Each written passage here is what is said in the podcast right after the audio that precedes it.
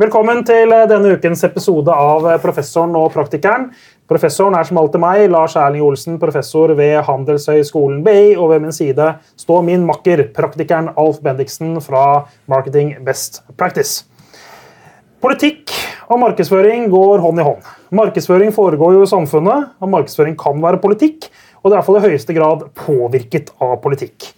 Og Det er ganske mange aktører eh, i, eh, i, markedsføringsfaget som har eh, behov for å få samfunnets oppmerksomhet og kunne påvirke politikere og rammebetingelser osv. Men eh, hvor går egentlig grensene for hvor markedsføring skal være? Når er markedsføringen åpen nok? Når er den skjult? Og når er det tydelig nok for allmennheten at påvirkning faktisk foregår? Og Det er den diskusjonen vi har tenkt å ta i dag i Professoren og Praktikeren. Og vi har invitert inn daglig leder i Try Råd, Sindre Beyer. En eh, ganske kjent aktør både innenfor politikken og innenfor samfunnspåvirkning, til å snakke om disse problemstillingene. Så Sindre, velkommen til oss. Tusen først og fremst. Takk. Veldig hyggelig. Du, jeg går rett på sak. Hvor går egentlig grensen mellom eh, ærlig og åpen markedsføring og skjult påvirkning? Grensen går jo i, nesten i det du sier i spørsmålet, ved at det er åpent. Eh, og så ser vi jo at eh, veldig mye av det som skjer i Norge, er jo egentlig ved fullt åpenhet. Ja. Eh, gjennom annonsering for eksempel, så viser man jo åpenhet. Og så er det selvfølgelig en del eh, dialog som jo foregår mellom eh, aktører og eh, myndigheter. Altså enten staten eller folkevalgte på Stortinget eller i region, regionalt eller lokalt. Mm. og da er det jo ofte ikke nødvendigvis skjult i form av at det ikke er kommunisert til alle men, eh, men, kanskje ikke kjent for alle. Mm. og det kan jo skyldes at eh, det er en sak som er, er litt spesiell, men det kan også være at det er litt kjedelig for allmennheten, så det blir ikke så veldig mye omtalt. Så allmennheten skal vernes for det kjedelige? er det det du sier? Nei, jeg tror kanskje ikke det, men det er jo ikke alt som er, ah, egner seg for bred annonsering. da, ja. Eh, vil jeg jo si. Og dere i Tyr òg har åpne kundelister på alt, og alt dere gjør åpent, eller? Ja, stort sett eh, alt åpent, og så kan det være hensyn ved at man f.eks. er i en eh, finansiell prosess ved, å, ved oppkjøp eller fusjoner eller børssensitiv informasjon som gjør at det ikke man selvfølgelig kan gå uh, ut med det. Mm. Men uh, det meste av det vi gjør, er åpent. Jeg vil nesten si alt. Og så vil det være noen selvfølgelig unntak, f.eks. på det finansielle. Ja. Uh, og det vil egentlig være naturlig også i Try, for vi, vi, jobber jo med mm. Store deler av det vi gjør, gjør, er jo massekommunikasjon eller nettsider eller brukeropplevelser. Så hele poenget er jo at det skal bli sett og opplevd. Ja. Men dette er jo en interessant diskusjon som pågår ofte i samfunnet. og nå senhøsten, Når vi spiller inn dette senhøsten 2022, eh, mm. så er det jo en sak som foregår nå med den nye rådgiveren til eh, statsministeren, som mm. har fortid for McKinsey med skjulte kundelister. Mm. Eh, hvorfor er det, er det så vanskelig for folk dette her med å ha åpenhet rundt dette her? Nei, Jeg eh, vet jo egentlig ikke hvorfor det skal være så veldig vanskelig. Men det er vel eh, mye av det skyldes vel at eh, det har vært en diskusjon, særlig da fra regjeringspartienes side, om at man ikke vil ha da folk som har kommet fra den type mm. bransjer. Og så blir man jo målt opp mot det uh, i forhold til praksis. og der ligger jo del, de, deler, det, ja, men da så blir jo det deler av konflikten. da, ikke sant? Ja, Samtidig så er det jo en, eh, må man ha en viss forståelse for at de som jobber med klienter, altså advokater, uh, deler, av, uh, deler av konsulentbransjen, ikke kan nødvendigvis kan gå ut med, med alt. I hvert fall ikke hva det inneholder. Men så viser det seg denne diskusjonen da, at nå prøver man å innhente samtykke fra de kundene og gi det, og så uh, får man håpe og tro at det kommer uh, åpent og ærlig. Og så er jeg litt sånn også litt sånn skeptisk til at det blir så stramme linjer i politikken at man kun kan være eh, vært politiker hele livet Nei. eller jobbe i offentlig sektor for å bidra i politikk. og, og Du er jo også ute av politikken, så skal ikke kjøre deg hardere på hva som skjer på statsministerkontoret akkurat nå. Det er ikke du ansvarlig for. Men eh, vi må spørre deg, liksom, det er litt sånn uh, nøling, men eh, samfunnskommunikasjon er et begrep. Et annet begrep er PR, og et tredje er markedsføring. Mm. Hva er likt og ulikt på disse begrepene, eller er det samme ulla? Nei, det er, det er, nok litt ulikt, men jeg tror mer ut fra hvor man står enn en realiteter. Og så mener jeg veldig mye av eh, markedsføringen og kommunikasjonen i hvert fall de siste årene, har jo blitt eh, samfunnskommunikasjon. Mm. Vi ser jo store utfordringer i forhold til eh, bærekraft, eh, i forhold til eh, DNBs kampanje Hun investerer, som jo åpenbart er samfunnskommunikasjon, mm. men med markedsføringsvirkemidler. Uh, og så er det jo det som kanskje er ren samfunnspåvirkning, da, som er en, en enkeltsak som jo ikke alltid tas ut i uh, massekommunikasjon, for det er mer direkte påvirkning. Men jeg mener, jeg mener, egentlig at de har veldig mange likheter. Og jeg, uh, når jeg prøver å definere hva Try eh, råd jobber med, så sier jeg oftest samfunnskommunikasjon. For det kan være alt fra å jobbe med pandemi og håndtering av det, mm. som handler om å nå ut til befolkningen med hva som er eh, riktig eh, Hvordan man skal holde, forholde seg til smittevern. Ja, Men, eh, og da bruker man ofte kreative virkemidler. Det så man jo under mm, pandemien. og så har du mer PR, public relations, som handler om å ja, en bedrift eller en virksomhet hvordan man skal forholde seg til samfunnet, holde aktører orientert, forstå endringer og tiden man lever i og hvordan man skal da agere overfor dem. Og Det kan jo være alt fra å delta på Arendalsuka til å mm, mm. Eh, skrive kronikker til å ha viktige miljøer, viktige møter med den type grupper. Så jeg mener jo at det er mer, flere fellesnevnere mellom disse sjangerne enn det det ofte ser ut som. Så det er egentlig poengløst å sette opp disse skillene? da? Ja, jeg, fall, jeg, lager et skille som er unødvendig. Eh, ja, ja eller, veldig, veldig mange gjør jo det. Mm. Eh, jeg mener jo at mye av magien i å lykkes godt med kommunikasjon er å se dette integrert og i stor sammenheng. Ja, og jeg, jeg, mener jo deler av fagretningen også har på en måte laget et litt sånn kunstig skille eh, mm. mellom de ulike fagene. Jeg tror det er litt historiske årsaker til det fordi at Samfunnskommunikasjon og PR kommer gjerne fra School of Journalism, mens markedsføring er jo School of Business. ikke sant? Så Det er liksom, Universitetene har hatt ulike tuer på disse tingene også, ja. historisk. da. Ja, ja, og det, og det, er helt åpenbart at det er, eh, det er grunnen. Mm. Og så er det kanskje tiden som har endret seg. Eh, det er jo ting jeg syns er eh, Markedsføringsskolen er mye bedre på enn en, en, si, PR-skolen. Blant annet måling, kommersiell forståelse, teknologiforståelse. Mens ofte PR-skolen har mer hva skal jeg si, en analytiske tilnærming til samfunnet og hvordan virksomheten skal forholde seg. Mm. Men jeg mener tiden vi lever i, tilsier at dette bør ses integrert. og jeg mener også Det finnes mange bevis på det.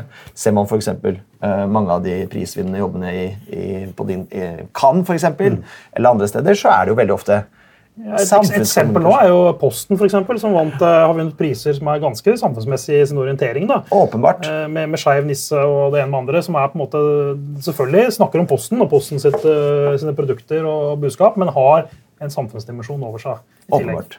Men er det liksom, bør Posten drive med det? Ja, jeg mener jo Posten bør drive med samfunnskommunikasjon. Åpenbart når man er en bedrift som jo er eid av staten, uh, driver med et samfunnsoppdrag, så syns jeg det er veldig logisk at de driver med uh, samfunnskommunikasjon. men er ikke det business of business do business? bare for å være litt sånn rett på? Altså, nei, jo, men hvis man bare, okay, jo, liksom. jo, jo, men hvis man bare gjorde det, så ville jeg jo vært enig. Men sant, de mesteparten av det de driver med, er jo hardcore business og leverer okay. varer og utvikler tjenester. Men så finner man en spiss for å fortelle, bli en, en tydelig merkevare. Som skal strå litt penger over gode ting også? det er det du sier? Jo, men jeg mener jo også at eh, og særlig også hvis man er en, en statlig eid uh, bedrift, ja. så er det et land å stå for noe, ha en tydelig profil og ikke bli en uh, grå masse. Det mener jeg jo Posten lykkes med. Ja, Er, Posten er kanskje et dårlig eksempel, som, det, som eierskapet er litt spesielt. Da, men, men, det er jo en interessant diskusjon. Hvis Absolutt. du er et kommersielt selskap med private eiere, mm. hvor mye penger skal du bruke på noe som ikke er direkte relatert til din uh, bedrifts produkter og tjenester og posisjonering? og mye skal du bruke på ting som på en måte man i hvert fall kan kalle for litt gode formål? da, ja, men, men, så er det jo klart at større bedrifter generelt har jo også behov for å uh, tenke rekruttering. Uh, de har behov for å mm, vise seg og skille seg ut i forhold til konkurrentene. Og da er det en, jeg vil si en smart måte å uh, tilnærme seg en posisjonering på mm. gjennom det. Nettopp. Men en annen ting med samfunnskommunikasjon, da. Det, vi var inne på dette med priser. En annen ting er jo effekt. Mm. Og som en tommelfingerregel, og som er gjort i, det er flere studier som har kommet frem til tilsvarende tall, men ca. 40% av reklame blir ikke lagt merke til. og. Unnskyld, 60% blir ikke lagt merke til, og 60% blir knytta til feil merkevare. eller blir ikke til en merkevare, Så det står igjen med 16-18 da. Mm. Eh, som er veldig veldig smått. Mm. Hvordan, med, hvordan, måler dere effekter og forteller at dette er smart? Nei, Det, det er jo ulikt. Altså, det er jo litt ulikt uh, i forhold til kategori, selvfølgelig. Uh, og veldig mye finner vi jo sammen med kunden ved at de har noen, uh, vi setter noen kopier sammen. Og det er jo selvfølgelig om det er økning i kjennskap og mm. kunnskap, altså de, de klassikerne der. Vi jobber sammen med vårt eget mediebyrå eller andre mediebyråer. og, og med samfunnsbedrifter er jo ofte ikke der de ser på konverteringer. Da, da ser man jo ofte mer på omdømme, da, som kanskje er nærmere liksom PR-fag igjen. altså Det generelle omdømmet, om det er positivt, negativt, eller om det, om det er bevegelse i det. Mens jo hva skal jeg si, mer markedsorienterte bedrifter hvor som har tyngdepunkt i markedsføring, har jo mer konverteringer. hvor de har også mer kommersielle mål. Mer kommersielle ja. mål, liksom. Ser økning i salg i nettbutikken sin, antallet besøkende, eh, gjør det det bedre enn konkurrenter. Og så synes jeg jo også dette er, eh, dette er jo et veldig spennende fag. Eh, hvor, hvor, hvordan du skal klare å samle denne innsikten totalt sett og skape noen tydelige, tydelige mm. Mm. kopier og målingmetoder. Mm. Og hvordan går det, da? Det, nei, jeg skal, kan ikke si at det alltid går bra, men jeg mener jo, at, jeg mener jo metodisk sett så mener jeg jo norsk bransje har blitt bedre de siste årene eh, på ikke bare måle alle alle ting, men eh, måle effekt. Og opplever også kanskje at digitale flater gir mer direkte respons på om det man gjør, virker eller ikke. Mm. Men det som er viktig, er jo å ha satt riktig mål i forhold til hva som er formålet med kampanjen. Der mener jeg ofte man har kanskje ja. bommet litt. Ja. Men hva er, vi skal ta et eksempel nå, da, eller et par eksempler på virkelig gode sånne kampanjer innenfor samfunnskommunikasjon. som mm. er litt sånn ferske. Hva er det du har lyst til å trekke fram? Hva er det du tenker liksom som er, uh, Dette er skikkelig bra. Nei, jeg mener jo at, uh, jeg mener jo at uh, Posten sin kampanje er veldig bra. Ja. Jeg mener at DNBs kampanje Hun investerer, som vi har et nært forhold til, naturligvis, mm. er veldig bra, for den tar utgangspunkt i et samfunnsproblem. og Eh, klarer å eh, konvertere dette over til eh, at faktisk handling ved at flere kvinner sparer og investerer i fond. Mm. Så det mener jeg to, to litt ulike kampanjer, men ja. som er to, klare, klare, har klare mål. Nettopp.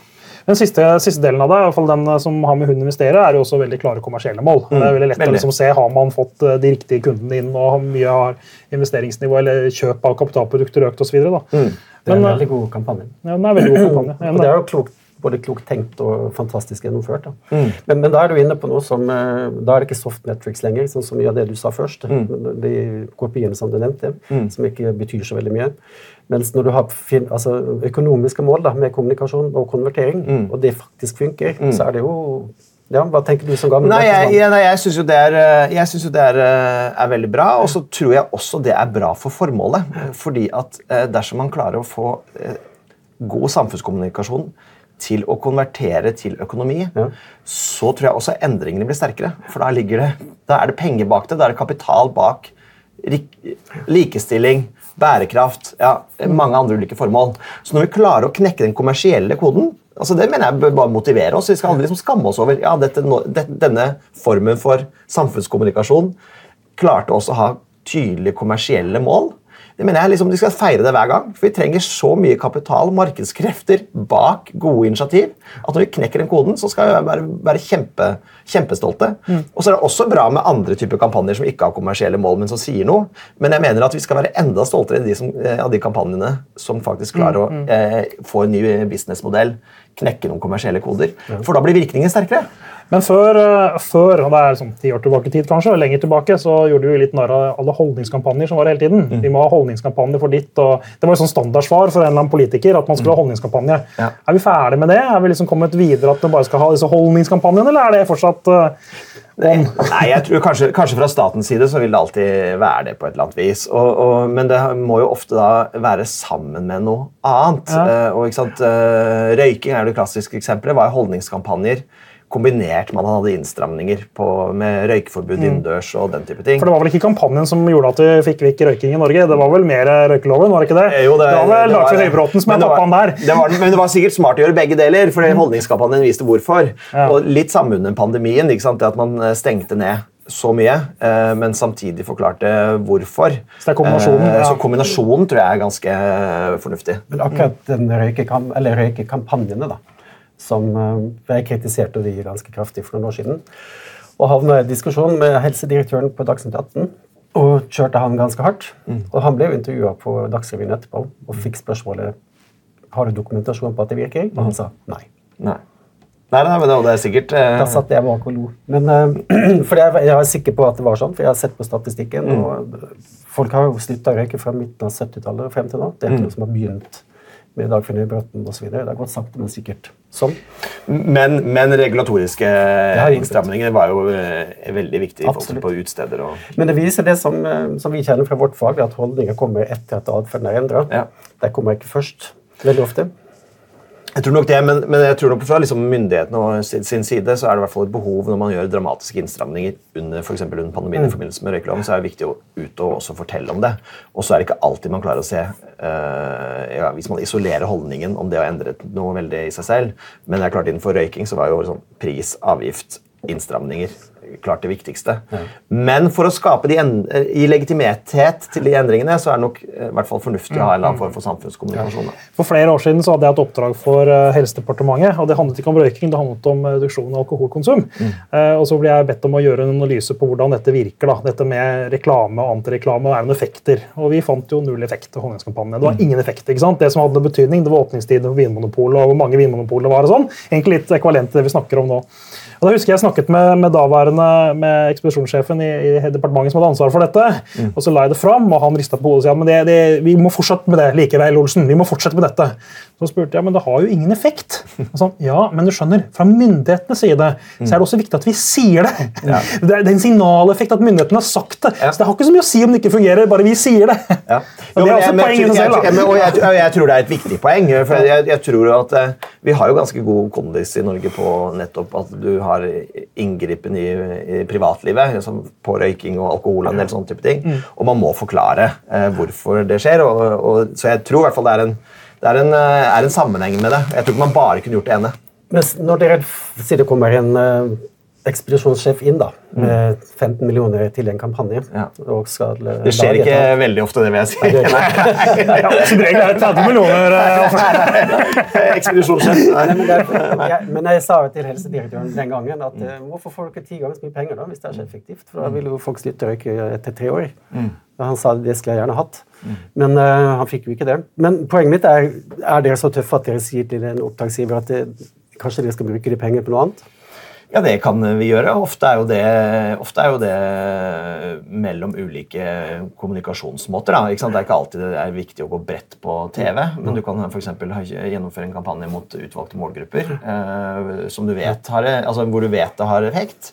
Eh, en del av kampanjene kan jo være for viktig mot minoritetsgrupper på riktig språk, eh, riktig format. Mm. Eh, så medieanbefalingene i dag er jo viktigere, og formatet. Eller det kan være hva skal jeg si, mer typiske møter.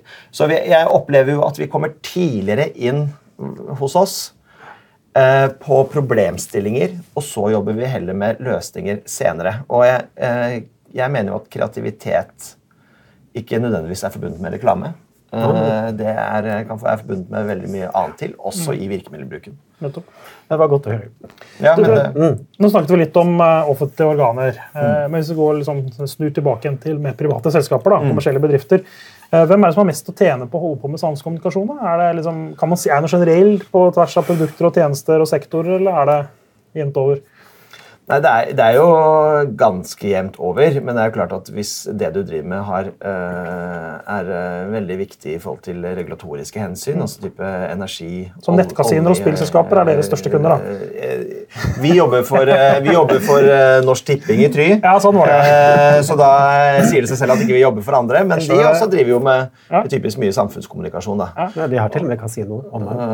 har en kasinotjeneste online, men liksom, vår formål er egentlig er å ikke selge spill. Ja men å Norsk Tipping er jo regulert, eh, regulert spesiell ja. bedrift. Men, men, eh, liksom, ja. Eh, jo, men jeg tror egentlig veldig mange. Men de, du, har du veldig mye som handler om at du skal at innstramninger eller endringer i regler påvirker deg, så må du drive med en eller annen form for da må du drive med en eller annen form for mm. samfunnskommunikasjon. Ja. Og det er jo særlig innenfor selvfølgelig energi Eh, kraft, helt åpenbart. Mm, laks. Eh, laks, eh, helt åpenbart aktuelt. Jo, men alle de, og det er jo De fleste bransjer blir omfattet av det på en eller annen måte.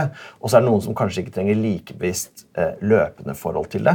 Eh, men, eh, men, alle trenger jo en eller annen form for samfunnskommunikasjon. Og så betyr ikke det nødvendigvis at man skal drive bred samfunnskommunikasjon. Nei, men det tror jeg er helt, man er helt avhengig av. Ja. Men det er vel der det har vært størst endring. da. Ja.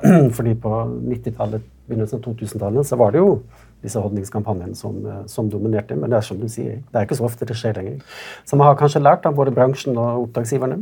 Ja, og så har vi jo også fått forbrukere som jo er mer engasjert i samfunnsspørsmål. Så Det handler jo ikke bare om å uh, unngå feil vedtak på Stortinget eller feil innstilling fra regjering. Det handler jo også om å uh, møte de forbrukerne man ønsker, uh, som er mer opptatt av samfunnsspørsmål, eller er opptatt av samfunnsspørsmål. Og klart at Står man da mellom to merkevarer i en butikk eller to nettbutikker, og den ene har en mer bevisst forhold til bærekraft, kommuniserer det, er stolt av det, så er liksom sjansen større for at du faktisk velger det produktet. Mm. Så det har jo også der mener jeg fagene har gått ganske Ja, helt definitivt. Ja. Det kalles for purpose marketing. er ja. jo et sånt begrep innenfor markedsføring, ja. og Det er jo ikke tvil om at dette har vært en trend i senere år. At den type som samfunnsperspektiv betyr mer også i posisjonering av merkevarer. Altså, man kan nevne Patagonia som eksempel. Stormberg har vært der lenge i Norge. Vi hadde jo en debatt om Skjelett for noen år tilbake som var litt interessant. Mm. Skjelett gikk veldig tungt ut på det, men det viste seg at de hadde ikke gjort hjemmeleksa. da. Så i etterkant viste seg at veldig mye av dem sa, det var jo en form for, det var ikke greenwashing, jeg vet ikke hva man skal kalle det for, det purpose washing. Ja, det var, I hvert fall så var det ikke sant. da. Og da har du et problem med ja. neste gang. Men du, eh, hva med etikken oppi dette? her? da? Er det noen kunder dere Tyr Råd sier nei til? Ja, det er det. Mm -hmm. uh, men jeg, ikke, jeg, bør ikke si det på en, eh, en, si en, en podkast. Men, men, jeg, jeg, kan legge, et våpen. men det er, det er, kunder vi sier nei til. Ja. Uh, og det handler jo om sånn typisk uh, ja, innenfor kategoriene du er på, med på. Mm -hmm. Uh, Men dere har også aktivt sagt nei òg? Det har vært henvendelser, og dere har sagt nei? Absolutt. absolutt. Uh, og, og, det kommer jo ofte Det er lett å ha etiske råd. Sånn, vi jobber ikke i disse bransjene, men de kommer alle til å spørre oss likevel. så det er ikke noe problem. Liksom. Ja, ikke sant? Ja, det kan man jo da si, men vi, men vi får av og til henvendelser. Og det er ofte også ofte da utenlandske henvendelser. Uh, som, og det kan være ganske godt betalt. Ja. Men ikke sant du, Qatar, kanskje? Eller? ja, du, du, du, du, er, du er nok sikkert inne på noe. Men, jo, men den type den type kunder Jo, men som er du, du, vi, skal ha, eh, vi er opptatt av rekruttering, få de flinkeste folkene til å jobbe hos oss.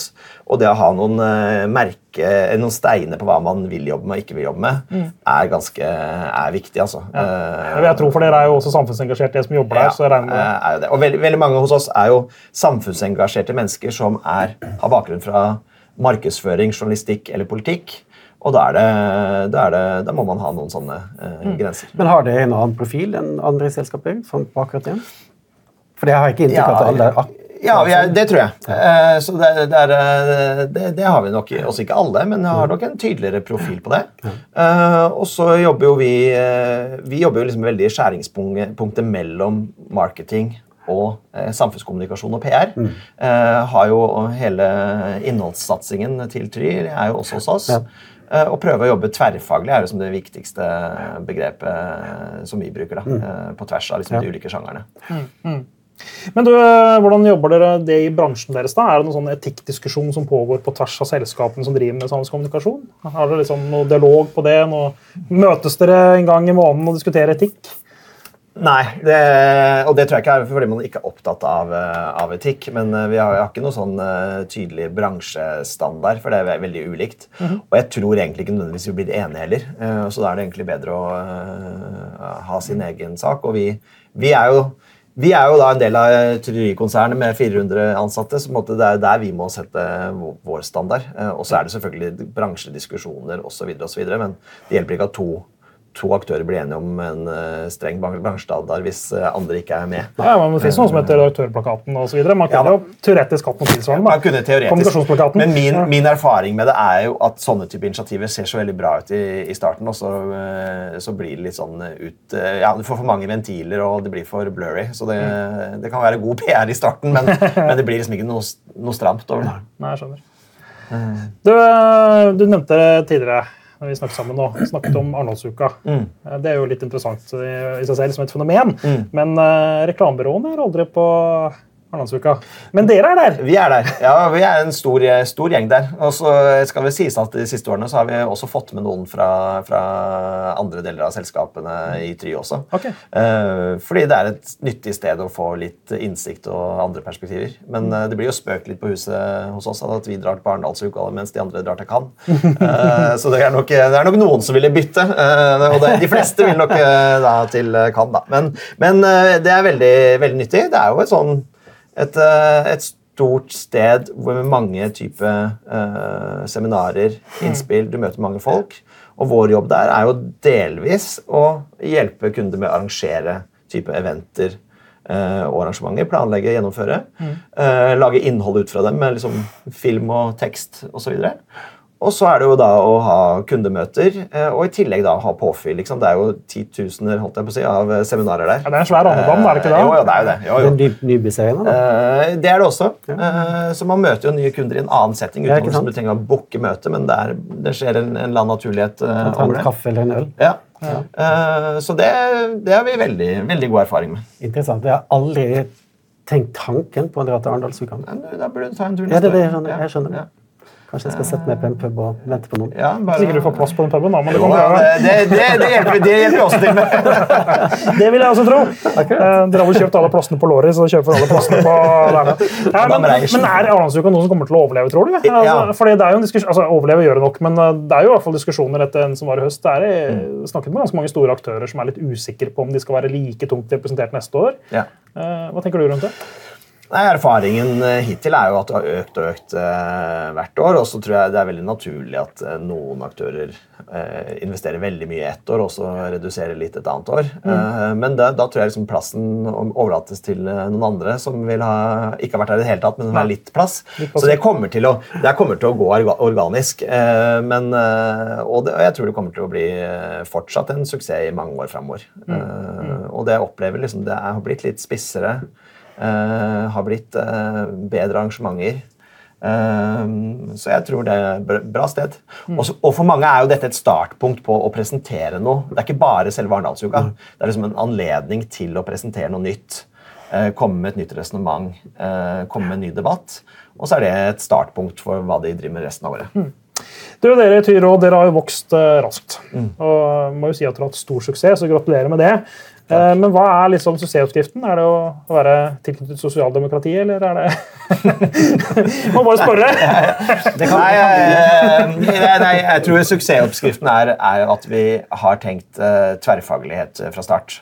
Uh, og selvfølgelig er en del av Try, som jo ikke er en ulempe i forhold til kjennskap. Uh, men så er det jo det at vi har klart å kombinere marketing, teknologi med strategisk rådgivning er det som vi har lykkes med, og det var det vi også trodde vi kom til å lykkes med. For vi, vi gikk rundt og snakket, Da vi skulle starte Tryråd, snakket vi med mange kunder, og det jo de sa alle sammen, var jo nettopp det vi opplever at det er for bås, altså for mye stramme båser når vi driver med kommunikasjon. Og det gjelder særlig små og mellomstore bedrifter. De skal forholde seg til syv ulike miljøer mm. som vi mener uh, ulikt. Uh, det har de ikke kapasitet til. Og det tror jeg vi har funnet en eller annen eh, modell for å løse, uh, som jo vi har også vokst på. Mm. Eh, neste år Gustav, da skal vi ha livesending. Professoren og praktikeren på Arendalsuka. Er, er, det en plan? Det er en plan. Jeg tror det kan bli en plan. Helt det du sier. Mm. Så, Veldig lurt. Godt, godt innsalg. Han har overbevist oss om Arendalsuka. ja, ja. eh, tusen takk til deg, Sindre Beyer, daglig leder i, i Ty Råd. Og så har eh, Off meg en sånn litt sånn juleønske til deg, siden vi spiller inn dette før jul. Mm. Og det er det at eh, Vi prøver stadig å få Kjetil Try til å komme til oss for å snakke om eh, historien hans, om hvordan Try har blitt det Try er i dag. Eh, og foreløpig så har han sagt eh, tja. Kan ikke du bruke litt sånn påvirkningsteknikker fra samfunnskommunikasjon? som påvirker ja, nå, å si ja? Nå må, nå må, jeg jo lykkes, ellers så blir det skandale. Nei, men det, vi, det, skal vi, det, skal vi, prøve å få til. Ja, Det var uh, et offentlig ønske fra vår side. Takk til deg som så på, og velkommen tilbake i neste uke for en ny og fantastisk episode med en spennende gjest i Professoren og Praktikeren. Ha en topp uke videre.